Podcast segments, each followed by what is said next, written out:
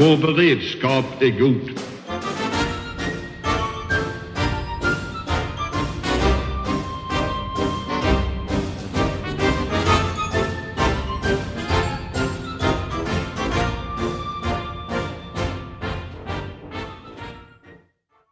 Hej och välkommen till Höjd beredskap, en podd från Aftonbladet Ledare.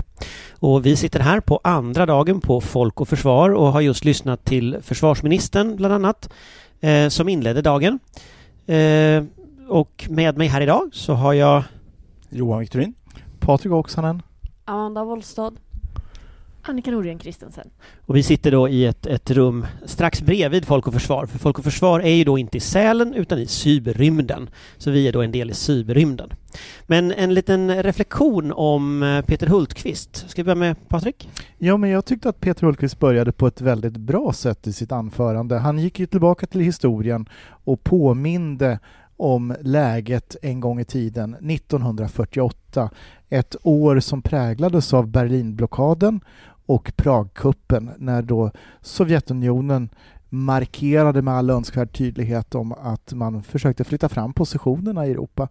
Och det ledde då till en, en eh, svensk försvarsupprustning eh, som eh, med tiden då ledde till det försvar vi hade under kalla kriget som var omfattande. Och så gjorde han då en, en, eh, en, en vidarevikning in till när kalla kriget tog slut, en nedrustning som med den historiska kunskapen inte borde ha skett. Och det var väl det närmaste vi har fått en, en, en eh, ursäkt till de som då när det begav sig på 90-talet och tidigt 00-tal varnade för att det kan komma mörkare tider som försvarsministern kom med, där han konstaterade att de hade avfärdats eh, på ett sätt som kanske inte var helt lyckat i, i debatten. Så jag, jag tyckte det var en, en, en, en snygg inledning. Men det var väl ganska tydligt att han eh, lite rullade tillbaka här 30 år av socialdemokratisk försvarspolitik till på något sätt att beskriva det ändå som att det där var ett misstag eh, det gör vi inte om, ungefär. I alla fall inte så, på så några år till. Så, så det är ju det är, det är också, tänker jag, parti internt i Socialdemokraterna. Det är en ganska tydlig varning att liksom, det här gick inte så bra förra gången vi rustade ner, gör inte om det. Det finns ju en sån ton tycker jag. Så jag tycker det var en ganska tydlig mm. markering. Liksom. Amanda? Det var ju min eh, främsta tolkning också, att detta är en markering internt i partiet. Dels att man ska göra om det, men dels också att man kanske ska Eh, för det har ju varit en del diskussioner, Allan Widman påpekade ju i kommentarerna sedan att, att uh, Hultqvist i och för sig håller fram alla satsningar man nu gör på försvaret, men att sossarna också har motsatt sig uh, de faktiska monetära satsningarna under förarbetet och det är ju helt riktigt. Uh, där är ju frågan dock hur mycket av det som är Hultqvist och hur mycket av det som är finansministern och det är ju en, en liksom separation vi har satt även i tidigare re eh, regeringar, så det är ingenting särskilt för Socialdemokraterna. Så att eh, jag tolkar det väldigt mycket som, som en signal och eh, en liksom tydliggörande internt i partiet att det här är viktiga frågor och ingenting man får sjabbla bort igen. Johan? Ja, jag vill börja med att önska god fortsättning till landets alla försvarspolitiker. För det är ju faktiskt en väldigt stor satsning som de med olika grader av parti, internt partimotstånd har drivit igenom eh, och det finns många konkurrerande verksamheter. Det här är ju en ökning i en pandemi faktiskt, ska vi inte glömma bort. Eh, jag tycker, jag eh, hade ju rätt så mycket kritik mot regeringens nationella säkerhetsstrategi igår. Det här är ett område där det finns en strategi. Det är väldigt tydligt när man hör försvarsministern prata eh, om att stärka den militära förmågan och sen alla de medel som man sätter till för detta. Annika? Mm, jag håller med om, om det. Eh, varningen för den här pendelrörelserna eh, och eh, kombinationen av historiska tillskott. Jag läser det, utöver vad ni har sagt, som en adress in i den här kontrollstationen 2023. För då kommer vi också ha utvärderingar efter pandemin. Statsfinanserna vet vi inte hur de ser ut. Eh, det finns, kommer att vara dragkamp om, om de här liksom fortsatta tillskotten och det vill han förebygga en, internt men också, tror jag, eh, lite grann externt i konkurrensen som kommer råda då. Eh, det andra var, tycker jag, man kan notera att han eh, lyfte fram eh, satsningarna på luftförsvaret. Han pratade om påverkansdelar kring Patriot-anskaffningen, gjorde han. Men han liksom återkom till eh, att han tyckte att det hade varit för lite uppmärksamhet på liksom, den här satsningen på luftsidan. Det har drunknat, han sa inte det explicit, men i uppmärksamheten kring eh, återetablering av regementen och armésidan och så. Så det ville han ha fram. Och det- övrigt var det väl inte så mycket nytt. Och han fick ju den frågan rakt från eh, moderatorn Eva Hamilton. Eh, tycker att det var för lite uppmärksamhet och då svarade han ju väldigt tydligt enstavigt ja. Men men jag undrar också om inte det här har att göra med en, en förskjutning i hur man vill kommunicera doktrinen. Att det här är mer avskräckning. Alltså det, det finns en tydlighet också när man pratar om fjärrbekämpning av mål. Alltså man, man, man, har, man, man lyfter in ett språk och en retorik som liksom lyfter bort konflikterna på andra sidan Östersjön på ett tydligt sätt. Och den retoriken är ju intressant när man just lyfter fjärrbekämpning och luft, liksom luftförsvar och så. Och han gick ju också till storms mot de som hade kritiserat Patriot-anskaffningen. Eh, de, det var, ju- de var ju inte vattenvärda och det var ju PR-byråer som hade försökt förstöra allt vad det var. Så det, det, är det, är en, det är en ganska hård retorik när det gäller att förflytta fokus för vad nästa diskussion ska bli. Och jag tänker ju att just det här med, med distansvapen och hela den frågeställningen, det undrar om inte jag också är nästa vad ska jag säga, folkbildningskampanj från Peter Hultqvist. Om den förra var att man skulle folkbilda om samarbete med USA, med Finland och så. Nästa blir faktiskt vilken typ av vapen ska man använda? Vilken typ av doktrin ska man ha? Så jag spårar lite i det, han pra- det sättet han pratar om det här eh, som, som just att, att det är det här man satsar på. Sen tycker jag var lite intressant att marinen då hamnar sist igen. Eh, det blir lite intressant i, i liksom språket här. Eh, han fick ju frågor av det av, av, av, Eva Hamilton också, men det blir liksom ändå intressant. Eh, jag kan tänka mig att en och annan person på marinen sitter och funderar lite på varför de inte kom med i det här talet heller. Och det, där försökte ju då Hultqvist svara på att det blir en till ubåt och, och lite, lite mer korvett och, och lite sådär. Eh, Men, men det är ju en, en, eh, en vapengren som, som ligger efter, helt klart. Men det blir ju nästan lite kriminologiskt när vi diskuterar det här eh, liksom per automatik när vi ska uttolka, för att det är ju väldigt intressant det här med p-byråer och konsulter och så vidare. Jag tolkar det lite också som markering just inför diskussionen med Huawei och 5G-nätet som vi har berört också. Eh, där man ju också tydligt ser att, att eh, man arbetar genom affärsintressen. Av naturliga skäl. Vi pratade ju om det en hel del igår, att det finns viktiga affärsintressen som man inte helt kan bortse ifrån i den här diskussionen. Eh, men det är på något sätt, det, det, det verkar det verkar som om Hultqvist och kanske deras socialdemokratin, eh, för dem är det ju en lätt motståndare på många sätt. Eh, och sen marinen är ju det eviga sorgebarnet, och det har vi pratat om förut. Och det, frågan är hur vi kommer runt det där, därför att om vi ska ha jag menar, fjärrstrids, fjärrstrid i, i all... Men mycket av detta är ju också marinbaserat och vi måste ha fungerande underrättelser och ska vi ha en påtaglig tröskeleffekt, en, en avskräckningseffekt, så är det ju våra flyg och våra fartyg som är i första. Eh, och det blir lite det här politiker som på något sätt försöker leva på gamla meriter när man pratar om den här extra ubåten och lite mer korvetter och så vidare. För ja, det är jättebra, men de flesta skroven är ju eh, jämngamla med mig idag och nu ska man ju inte prata om sin ålder som kvinna men, men eh, det är ingen ålder på en kvinna men det är definitivt en ålder på ett fartyg om vi säger så. Men, men, men jag, jag, tänk, jag tänker också att jag tänker att det här med PR-byråer och sånt, det är också vintage Hultqvist på något sätt. Det, det är så han pratade när han var kommunalråd och var arg på så här vinster i välfärden. Nu tar han med sig den retoriken. Jag tror det är ganska bra att han liksom lägger fram det på det sättet, för det är också, det är han. Och en grej med honom, tänker jag, som blir så fascinerande när man ser honom på det här sättet, det är att han är ju verkligen sig själv. Det finns liksom ingen annan. Eh, och och jag, jag tänkte på det, en av de frågorna han fick därifrån, jag kommer inte ihåg vem det var, som han fick en fråga från. Eh, men just vilken roll spelar det att hans mamma har en koppling som krigsbarn från Finland? Och så säger han att det har ingen koppling därför att det är Sverige och Finland. Det är på ett sätt sant naturligtvis, men det är ju också på ett sätt vad har man som drivkraft som politiker? Och då blir det väldigt äkta. tycker jag. Eh, så det är väldigt imponerande.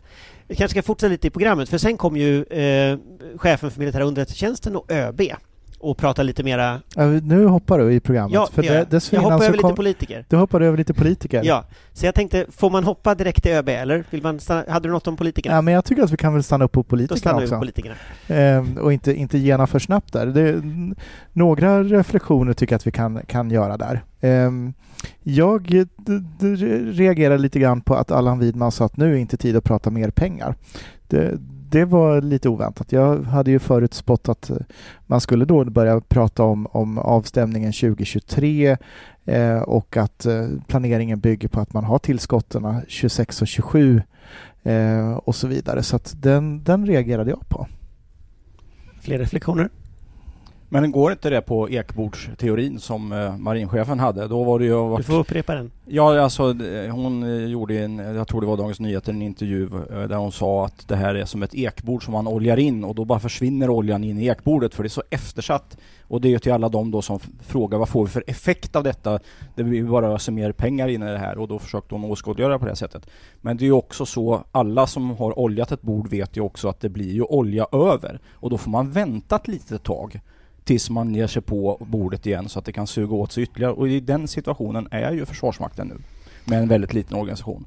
Och det skulle jag också vilja koppla till det som Daniel Bäckström från Centerpartiet eh, lyfte upp med den här eh, etableringen av regementena. Här vill man ju då porträttera det på olika sätt. Det är strategiskt, det är regionalpolitiskt och så vidare. Men det är väldigt tydligt att se att både Bäckström och Hultqvist här har en ganska stark liksom, koppling med varandra. Att de ser bortom nästa försvarsbeslut att man då ska fylla detta. För får inte glömma bort att de kartor som är ritade finns Nordkalotten, eh, alltså hela norra Sverige uppritat och då måste man liksom, det är inte bara en, en förflyttning i öst-västlig riktning från Trondheim som vi pratar om, utan det är även en nord-sydlig riktning inom Sverige. Och där? Ja, det är viktigt eh, påpekande från Johan och eh, eh, jag tror också att man ska ta det som det här beviset på den fortsatta tillväxten. Eh, man tänker sig det och då blir det en pengadiskussion, precis som du säger Patrik, av detta. Eh, man har ju redan aviserat också en eh, återetablering eller ökad militär närvaro i absolut norra Sverige så det kommer väl bli Kiruna igen också i nästa steg. Så att det där är en plan eh, som vi var inne på tidigare. Eh, ja, när det gäller representanterna för Försvarsmakten så tycker jag också, apropå vad du sa Amanda, det, att man pratar också om liksom, de här investeringsfrågorna och, och känsligheter i nät och sådär. Det gjorde chefen Must också. Eh, hon var väldigt tydlig, tycker jag, utan att säga rakt ut, eh, kring det här eh, snäva egenintressen. Alltså, vi måste göra upp med dem. Nu måste vi samla ihop oss. Och en mycket allvarlig underton från hennes sida. Eh, och det var intressant att, att höra, tycker jag. Eh, hon pratar om eh, eh en- dimmer istället för en strömbrytare. Det var också någonting som chefen för ledningsstab, högkvarterets ledningsstab tog upp. Eh, det här med att eh, olika medel kan stegras eller tonas över tid. Eh, och alla återkom på ett eller annat sätt till att vi måste, och det var Amandas eh, poäng också i- igår på konferensen, kunna verka över hela skalan. Det är liksom ett helt sammanhängande system vi måste ha. Vi, kan liksom inte ha, vi har inte råd att plocka delar längre. Patrik hade någon mer fundering om, om den politiska diskussionen? Ja, och där vill jag då, då i, i det här hela skalan knyta in till det som egentligen som Daniel Bäckström sa mellan raderna och det är ju i praktiken om man läser vad, inte, om man inte tittar ordagrant på vad han sa utan vad det faktiskt betyder så var det ju ett besked om att i hans värld så är det, de här regementsorterna det är inte några lokalförsvarsbataljoner som ska utbildas där i, i hans värld utan det är ju så småningom brigader. Eh, och där är väl första gången man kan liksom läsa det tydligt i, i vad som kommuniceras, även om man förstår att logiken att etablera sig på de här orterna är ju för att sen växa till brigader. Men det här var första gången jag tyckte att det fanns en att, att man kunde avläsa det i svaret på ett sådant sätt. En, en fundering som jag har, för varför jag ville hoppa till ÖB med lite, lite så här kopplingen från vad försvarsministern sa, men det här understryker ju bara det. Att liksom när man sen lyssnar på företrädarna för Försvarsmakten och så, då är det ett väldigt tydligt tillväxtperspektiv i sättet man pratar. Det ett, spektrat ökar, platserna ökar. Det är liksom, om man jämför, man går tillbaka några år i tiden och lyssnar på hur ÖB har kommunicerat saker förut. Man behöver inte gå tillbaka till 2013 och liksom vi har ett enveckasförsvar och vi går under, men, men, men även liksom i modern tid. ÖB blir mer och mer fokus på tillväxt, mer fokus på verkstad, mer fokus på utökning, konkret utökning. Och det där är en intressant retorisk sak också för det skapar ju en massa förväntningar på att saker också sen ska hända. Eh, och det funderar jag mycket på när, han fick inga frågor om det sen, men jag funderar på det när jag hör ÖB, liksom att kommer man att kunna leva upp till det här nu från Försvarsmakten och från myndigheterna? De här man höjer ju förväntningarna väldigt högt med den här 40 procents ökning, det ska vara liksom tillväxt, du pratar brigaderna här kommer förmodligen, ja 2023 kommer ju folk börja prata om det här öppet säkert. Alltså Klarar man detta? Kan, kan vi tillväxa så här snabbt i Sverige? Ja men det lyfter ju ÖB att personalförsörjningen var mm, Personalförsörjningen, men jag tänker... Ja men det är ju den som är själva klon i det hela för att eh, vi har fantastiska flygplan, fartyg och alla möjliga saker men du måste ha besättningar och eh, tränare, piloter och så vidare som kan bemanna detta. Och det, där finns det ju i den här målningen då av eh, satsningar på luftförsvaret. Då är det ju att då måste det ju finnas människor som kan bemanna de här eh, systemen. Försörja och underhålla och så vidare. Det är en riktig utmaning så att det, det får nog ÖB ägna mycket kraft åt och eh, de kommande åren att se till att det fungerar. För jag tänkte en sån här sak som till exempel försvarsministern har tagit initiativ till det är den här förändringen av officersutbildningen till exempel. Hur kommer detta att fungera och hur kommer det att fungera? Amanda? Ja, just officersutbildningen är väl svårt att säga nu kanske. Det, men det är väl det jag upplever detta som ganska mycket signalering inåt eh, av ÖB av just de skälen Johan säger. Därför att det finns ett, ett rekryteringsproblem. Det finns framförallt ett problem att behålla personalen, kanske inte minst officerskåren. Eh, om vi nu ska ha brigader på de här nya orterna, vem ska bemanna dem och framförallt vem ska utbilda dem som bemannar de här? Det är mycket folk som ska till och framförallt så är det mycket folk som måste se till att stanna i systemet. Eh, och då behövs det någon form av hopp, för just nu upplever jag av diskussionerna på folk, från folk på plats ute på liksom generations, generationsorterna runt om i Sverige att det finns en viss hopplöshet över läget. Det har varit en optimistisk våg när försvarsdebatten har återkommit på agendan, eh, när man har fått mer budget. Men nu upplever man igen att man strider lite i motstånd. Man har problem att få ut den utrustning man behöver, man har problem att få godkänt om övningsdygn man behöver och så vidare och upplever i sin dagliga verksamhet att man inte har det utrymme och de finanser man behöver för att klara sitt arbete och framförallt för att säkra rekryteringen. Eh, och det är ju ett jättefarligt läge när man redan har en situation där man har väldigt många, framförallt unga officerare, som försvinner vidare till näringslivet och bättre löner istället. Och då behövs det ju dels bättre villkor naturligtvis, men också ett hopp om att det här är övergående, att det finns någonting framöver, en anledning att stanna kvar och kämpa. Så just det ser jag väldigt mycket som, som intern signalering från ÖBs sida. Patrik? Och här kommer vi, kopplar vi det till politiken och, och, då är det ju en brist att det inte finns en längre plan. Det är svårt att rusta upp. Femåriga försvarsbeslutsperioder är inte helt optimalt. Eh, och det gör ju att det finns liksom hela tiden frågetecken. Hur kommer det att bli? Kommer det att bli mer pengar vid avstämningen eh, för de här det saker vi ska göra 26, 27? Vad händer sen och hur blir fortsättningen egentligen och sådär. Och så att det, det, krävs ju tre saker för att det här ska lyckas. Det krävs ju personal, det har vi varit inne på. Det krävs pengar. Det är inte tillräckligt eh, och det krävs en plan för att göra det. Eh, och allt det faller ju tillbaka i slutändan på den politiska viljan och den politiska signalen om vad är vi beredda att göra? Annika? Ja, det är en paradox eh, detta. Eh, det som du nämnde Anders om ÖBs eh, tydlighet här och det vi pratar tillväxt och så i kombination med det andra beskriver om tillvar tillvaron ute på förbanden. Där det är, det är inte sötebrödsdagar precis. Och det ska också då en omvärld förstå att här kommer pengarna, vi pratar tillväxt samtidigt som man får ställa övningar och annat för att det är ont om pengar just här och nu. Det där är en kommunikationsutmaning som det så fint heter numera. Eh, när det gäller tillväxt så är det ju ett tydligt behov av myndigheter och funktioner runt omkring Försvarsmakten för att lyckas med detta. Eh, din fråga var hur kommer man lyckas med det här? Ja, eh, men det handlar om tillståndsprövningar, miljöprövningar. Det handlar om att få eh, alla möjliga liksom, verksamheter som förutsätter eh, den här tillväxten på plats. Eh, och där är det en, också en så kallad utmaning framåt. Eh, en annan sak när det gäller Eh, armkroken som behövs mellan politiken och Försvarsmakten framåt det är ju att nu ska det till den här långsiktiga perspektivstudien. Eh, en ny sån ska fram. Den ska, en delredovisning kommer november 22, slutredovisning 1 april 23. Där är en väldigt långsiktig bild av vad man vill med Försvarsmakten eh, 20 år framåt i tiden ungefär. Här måste politiken och Försvarsmakten vävas ihop på ett helt annat sätt än vad man har lyckats med tidigare för att kunna ta den här armkroken framåt och inte få de här dragkamperna, missförstånden eh, vilket i förlängningen leder till allt mindre handlingsutrymme för Försvarsmakten och professionen. För ju mindre politiken förstår eller är med på den här långsiktigheten ju mer petar politiken i detaljerna. Så här kan alla vinna på en helt annan liksom, process framåt i de delarna. Jag skulle vilja lyfta upp eh, chefen Musts anförande faktiskt, eh, som jag tyckte var väldigt intressant i olika aspekter. Eh, den ena eh, var ju att hon betonade då de ekonomiska och teknologiska hoten och var inne på juridiken och det pratade också Jonas Hagren om också. Vi hörde igår Jens Mattsson om den här studien. Det där hör ju ihop. Det, det märker ju vem som helst att det där har man ju förstått att det är en breddad hotbild.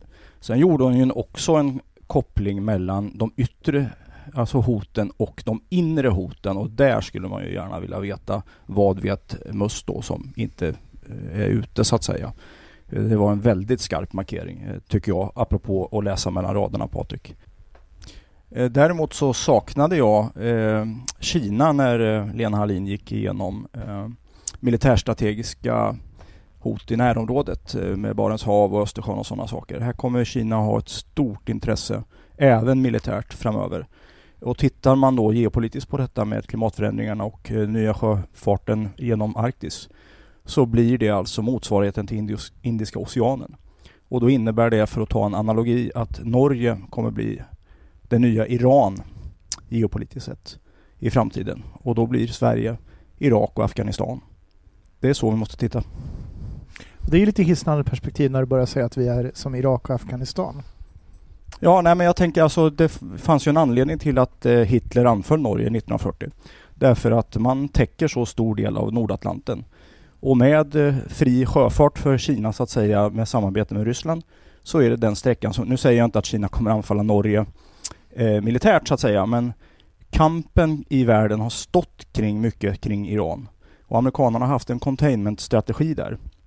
Eh, för att då motverka Sovjetunionen historiskt och sen så i modern tid då hålla kontrollen eh, genom att vara i Irak och Afghanistan. Ja, och sen ska vi inte glömma bort att vi har ju redan sett att kineserna har varit och övat i, i våra vatten så att säga tillsammans med Ryssland. Nej, precis exakt. Och sen så ser vi inte minst då olika, eh, även då, för det har också då med militärstrategin att göra, olika etableringar, försöka köpa flygfält på Grönland, försöker etablera en djuphamnsbas på Island. Eh, försöker komma åt Färöarna också med, på olika sätt för att kunna stödja det då, så att säga, militära stödjepunkter. När jag var på i Reykjavik eh, så tyckte jag att den mest slående insikten om kinesiskt inflytande det var att promenera i Reykjavik på väg till den svenska ambassaden som ligger inhyst i ett kontorskomplex på, en, på någon våning upp där, där jag skulle, då skulle träffa excellensen Juholt som, som då var vår man eh, i Reykjavik. Och så går man plötsligt förbi en byggnad som är jättestor med Reykjaviks mått mätt som känns helt felplacerad Eh, och så inser man att det här är Folkrepublikens ambassad på Island.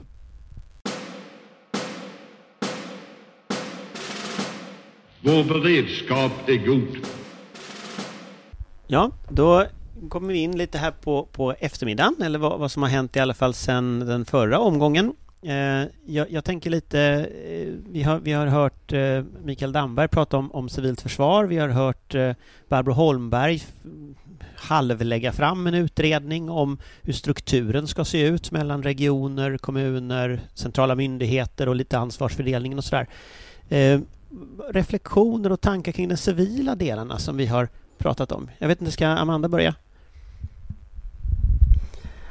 Uh, ja, det, vi är väl åter till det här att, att eh, vi befinner oss fortfarande i civilberedskapen där vi gjorde i försvarsupprustningen för en sju, åtta år sedan. Man är ju väldigt mycket i början vad gäller att diskutera struktur och så vidare. Och det märks ju också att man är väldigt fast i den värld vi lever i, eh, där man är, eh, vi pratade om Oxenstiernas eventuella frånfälle igår, eh, men man är väldigt låst i den strukturen på ett sätt som är eh, anmärkningsvärt med tanke på att eh, vi har ju en ganska egen struktur i Sverige jämfört med andra länder, inte minst våra grannländer. Och att man då ändå överhuvudtaget inte kan se ett alternativ till det här, vare sig i, i normalläge eller kris. Eh, det tyder på en fyrkantighet som kommer göra debatten både svårare och, och långsammare än vad den skulle behöva vara. Jag tänker att vi, sedan några år tillbaka har vi ju en totalförsvarsplanering i Sverige. Eh, det här var ju någonting vi inte hade under ett antal år. Eh, vi återtog den, den, den diskussionen. Eh, och, och, det är ju någonting som det är ju påbörjat så att säga, men det är absolut inte, man har absolut ingen riktig planering om man ska säga så. Men man har i alla fall ambitionen. Annika, vad tänker du liksom, hur, hur har det här, den här på något sätt nya ramen ändå kring det fungerat? Är, är vi på väg att rusta upp det civila försvaret eller var, var är vi liksom i processen? Ja, det är ungefär som vanligt, alltså, vad ska vi säga, från en låg nivå. Det vill säga, vi har ju rört oss sedan 2015 när man beslutade att återuppta eh, denna totalförsvarsplanering. Det, det, kan man inte säga annat. Sen har vi absolut inte kommit så långt som vi borde ha gjort med tanke på de krav som ställer på oss, med tanke på omvärldsutvecklingen. Hur ska man få ihop alla dessa spår? Ja, Damberg pratar väldigt mycket då om de här utredningarna och jag förstår varför han det gör många utredningar. Ja, men det är inte bara utredningar utan det är olika spår. Vi hade ganska nyss så lanserades eh, av statsministern med inrikesministern och socialministern på varsin sida den här kommittén som skulle tillsättas som att eh, regeringen ska få större handlingsfrihet vid kriser. Det var ganska nyss. Sen har vi Holmbergs utredning, kan vi prata mer om. Hon har ju, som du sa, presenterat eh, stora delar av vad som kommer föreslås ur den.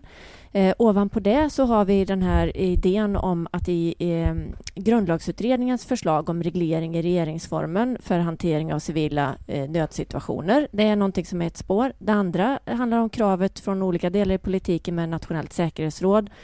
Eh, Försvarsmakten trycker på för en beredskapslagstiftningsöversyn, vilket också MSB eh, på olika sätt har formulerat sig kring. Och det här ska då kokas ihop. Eh, om man tittar över hela lagstiftningsområdet för höjd beredskap så är det ett gigantiskt arbete. Eh, och vi har den här behovet av den här brådskan. Ja, jag är inte människa liksom att förklara hur detta ska gå till och hur det ska gå ihop och hur vi ska få effekt i det här systemet just nu när vi också behöver det. Men det är en illustration av komplexiteten kanske. Jag tänkte en sak du inte nämnde riktigt här men som ju ligger här i detta, det är ju den här Coronakommissionen som ju också ska hantera det faktum att eh, vi är snart uppe i 10 000 döda i Sverige. Det är betydligt bättre läge i Finland och, Norge.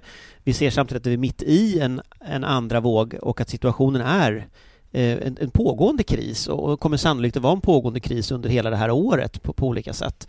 Så att vi vet liksom inte var det här slutar. Eh, men om man tittar på en utveckling framåt. Eh, vad är det för förändringar som man i så fall bör göra? Patrik? Nej men det är ju så, så eh, jag, jag, landar i det här, herregud var ska jag börja någonstans?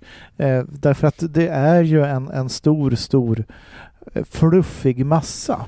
Eh, och det här handlar ju om, om både lagstiftning, om organisation, om resurser, om tydlighet, att vem, man ska veta vem som ska göra vad.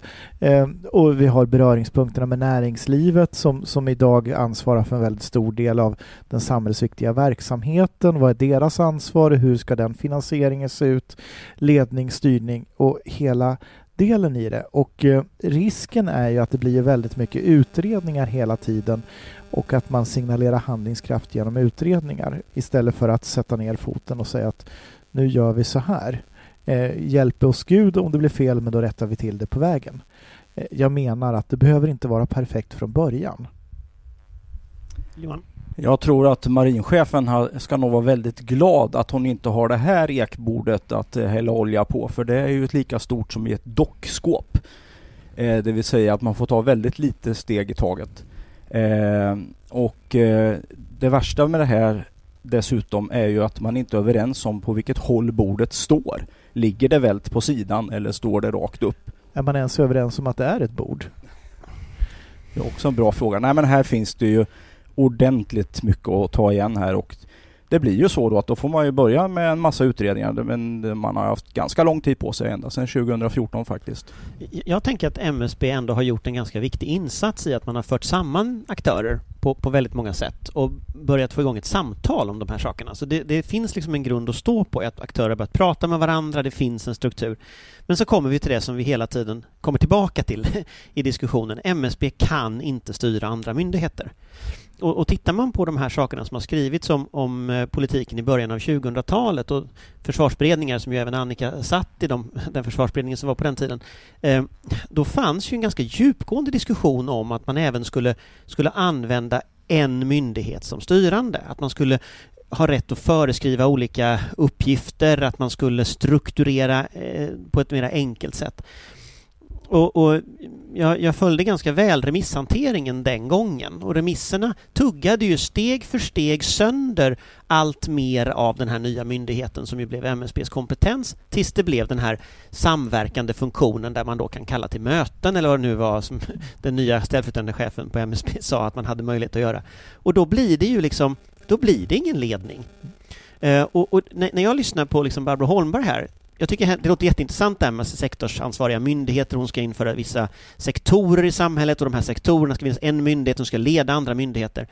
Men jag bara får känslan av att, att jag undrar om inte den, myndighet, den utredningen kommer att gå så samma väg som de här andra utredningarna har gjort. Jag tänker på Ardalan Shekarabi, kommer ni ihåg den här regionala utredningen? Han skulle slå upp lite regioner. Så åts den så upp av alla de här särintressena, så att säga. Då, och när jag tittar på Coronakommissionen och läser vad de skriver i sin första rapport, då, då, ekar liksom de här remisserna i mitt huvud från de här processerna tidigare där man liksom malt ner alla förändringar och till slut så sitter vi där med att alla är ansvariga enligt ansvarsprincipen och ingenting ska ändras och, och allt är ganska bra som det är. Ska jag vara väldigt nu var jag väldigt cynisk. Men... Ja, och, och då, då följer jag upp och blir väldigt brutal. Det som kanske, och jag säger inte att det är så, men det som kanske är skillnaden den här gången mot tidigare försök att åtgärda det här, det kan faktiskt vara 10 000 döda människor. Än så länge. Än så länge. Att pandemin gör att det går inte att tugga sönder det därför att insikten sitter så pass djupt från politiken då att det här måste vi faktiskt åtgärda. Tyvärr är jag inte lika övertygad om det. Vi har ju sett katastrofer men med, med lägre dödstal tidigare som ändå har lämnat oerhörda skador, tsunamin, skogsbränder och så vidare som Eh, där vi pratade lite på samma sätt men sen så rann det ändå ut i sanden när det värsta var över.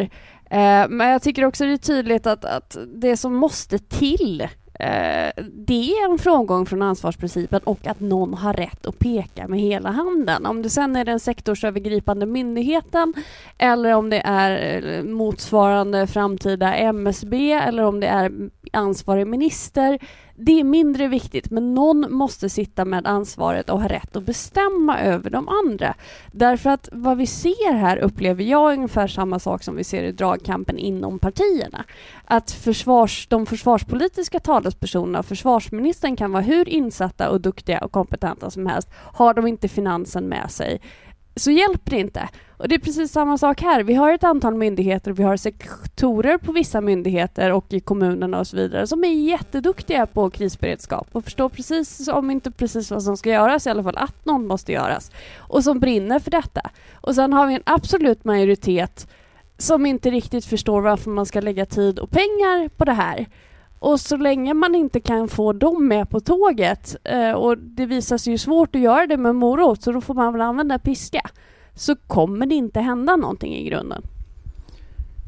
Ja, om eh, Barbro Holmbergs förslag går igenom då finns det ju ingen plats för MSB. Det måste ju vara slutsatsen för då kommer det ju vara, alltså det finns ju en inre geopolitik också så att säga.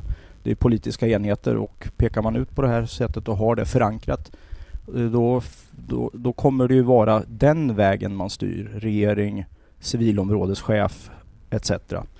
Eh, men jag är då lite pessimistisk. Jag tror inte att det här går igenom.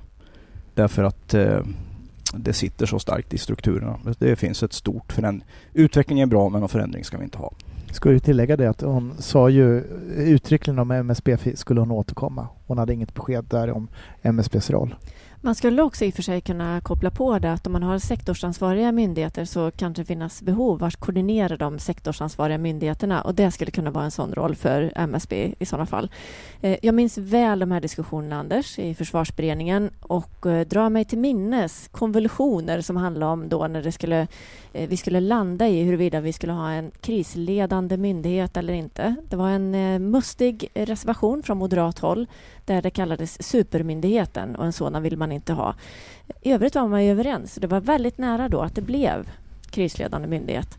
Men som sagt, strukturer är svåra och eh, vi kan ju också konstatera med Barbro Holmberg här att även om man får ihop, om vi ponerar att det ändå blir så här, Eh, så får man ihop ett antal geografiska eh, ansvarsområden då, eh, den militära sidan, den civila sidan och då ska vi lägga till att här ska då landshövdingar och länsstyrelser tycka att det är toppen att det blir någon länsstyrelse eh, som får föreskrivningsrätt för de andra länsstyrelserna. Nej, det kommer göra ont.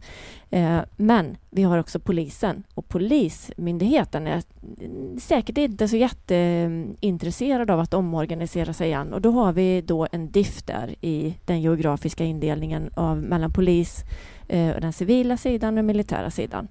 Men sen har du en annan diff också eh, som ligger i kloss i kloss med det här. Och det är ju den diffen som är att allt regionalt är ju olika regioner geografin är ju olika beroende på de, Polismyndigheten är en myndighet men även de, de som är regionaliserade har ju olika geografiska täckningsområden.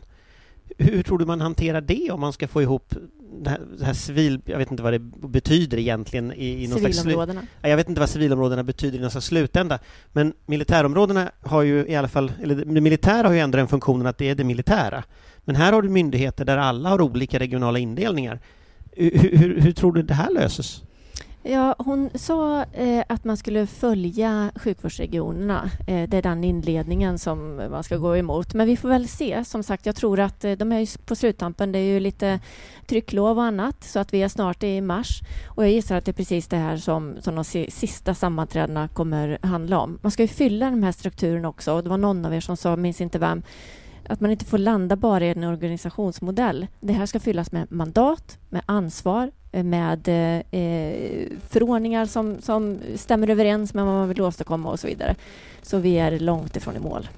Patrik? Ja, nej, men eh, det var ju en av det som Shekarabi då med, med regionaliseringen, regionutredningen eh, som, som då aldrig blev någonting. En av de sakerna som man ville åtgärda då, det var ju statens karta.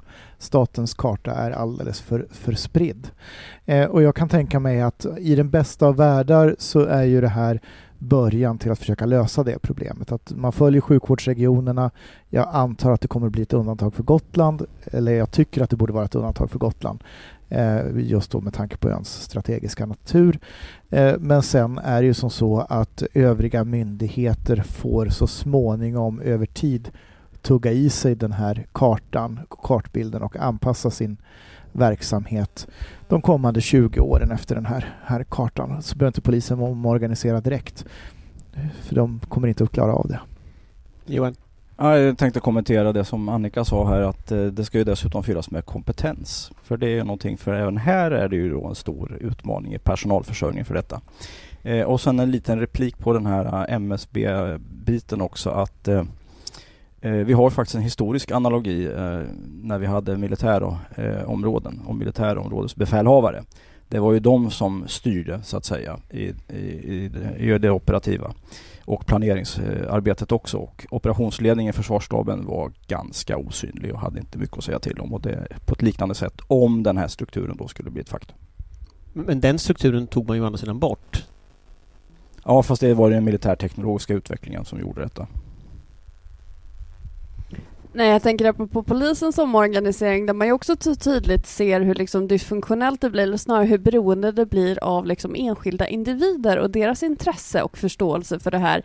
Eh, där man ju innan, eh, när det fortfarande var fördelat på, på regionaliserade myndigheter, så hade ju polisen i Skåne lättare att låna material och hjälp från Danmark än man hade mellan eh, liksom, de olika polismyndigheterna inom Sverige. Eh, och det där hänger ju till viss del kvar. Eh, man har bättre samarbete över bron, kanske inte just nu, än vad man har med liksom, Stockholm. Nu är Skåne i och för sig speciellt på många sätt. Men eh, det visar också så tydligt hur, hur det här sitter, att man vill inte, man vill ha sina bitar för sig själv, man vill inte gärna eh, och därför blir det ju ännu tydligare att det behövs någon som sitter i toppen och faktiskt har ansvar och fördelar det här och inte bara utgår från att man kommer överens sinsemellan. Får jag kasta ut en galen idé? Eh, kommer ni ihåg Gotsam? Eh, när man försökte samordna myndigheterna på Gotland. Och Gotland är ju trots allt hyfsat avgränsat, så det borde ju vara möjligt. Och man lyckades ju komma ganska... Nu, det avskaffades väl av, av eh, när avskaffades Gotsam? egentligen? Det var väl Reinfeldt tror jag som skrotade de sista resterna av Gotsam eh, när de tillträdde, har jag för mig. Men i alla fall, Gottsam fanns ju under en period som en slags testverksamhet för hur gör du om du ska samordna myndigheter? Tänk om man skulle dra igång det igen? Absolut, jag är för. Jag är för. Risken är väl att det mest blir avskräckande kanske. Ja, men det finns ju lite liknande där man då samlokaliserar sig, för det är väldigt mycket det det handlar om. Och här i Stockholm så gör man ju bland annat så. Då dyker man på sånt där som sekretessbestämmelser och annat, där man inte får titta på varandras skärmar och sånt. Allt går ju att lösa om man vill. Och kanske är det så att pandemins effekter och omvärldsutvecklingen, om det bara tränger in under huden på oss alla, eh, faktiskt gör att det också blir verkstad här. För, för, det som var intressant med Gottsam, nu, nu har Johan plockat fram att jo, jo det var Reinfeldt som det lades ner eh, 2007. Men det intressanta med det, det var ju att man försökte lösa mycket av den problematik som ligger i myndighetsgränserna, stuprören, genom att helt enkelt trycka ihop alla myndigheterna. Och så fick de reda ut det bäst de kunde, lite förenklat. Men genom att folk började prata med varandra och genom att man började hitta lösningar, eh, då, då, då upptäckte man ju sådana här problem med sekretessgränser, man upptäckte massa andra problem, men man upptäckte också att det gick att lösa dem. Tänk om vi skulle ta och slå ihop Folkhälsomyndighet, Socialstyrelse, en del andra sådana där saker, bunta ihop de där sektorsmyndigheterna till en, ett hus eh, Hälsans hus eller något och tvinga bort stuprören. Vad tror ni om det? Då tycker jag att då kan vi börja med psykologisk försvarsmyndighet, cybersäkerhetscentret och, och lite annat smått och gott. Så kan, ja, för nu förökar sig ju myndigheterna. Ja. Nu blir det ju fler myndigheter. Just. Så att det är väl bra att börja med någonting som är i, i uppstartläge och göra just det. Sista dagen på Folk och Försvar börjar man planera om hela förvaltningen. Uh, nej men det är en intressant tanke, det är det absolut. Men uh, sen är det ju det här med tidsaspekten också som är det ständiga problemet med uh, beredskapsfrågorna där, där ju vi har börjat för sent med allting. Eh, och då är ju frågan, går, att, att bokstavligen sätta dem på en ö och låta dem reda ut det själva är ju ett intressant experiment, men, men går det fort nog? Och gå, får det att gå, får det på något sätt gå fortare? Alltså det finns aldrig en perfekt tid för stora förändringar. Därför att det är alltid, man kan säga att det är inte just nu och kanske sen och sådär. Va? Så att nu, jag ska ändå bli lite dysterkvist. Eh, risken när man gör sånt här, det är ju att man nedgår i effektivitet. För man blir väldigt upptagen av de här förändringarna och, om, och lokaliseringen och vad helst det är. Och just nu vet jag inte riktigt. Eh, vi behöver kunna verka. Eh, så med den brasklappen så tycker jag annars att det är väl fritt fram och för pigga idéer. Om man, om man tittar på den här dagen så har ju mycket handlat om strukturer på Folk och Försvar. Alltså det är mycket strukturella lösningar på praktiska problem i grund och botten som vi har. Eh, om vi tittar på, om vi liksom tittar framåt nu, för vi är mitt i den här coronakrisen. Vad av detta tror ni faktiskt kommer att hända?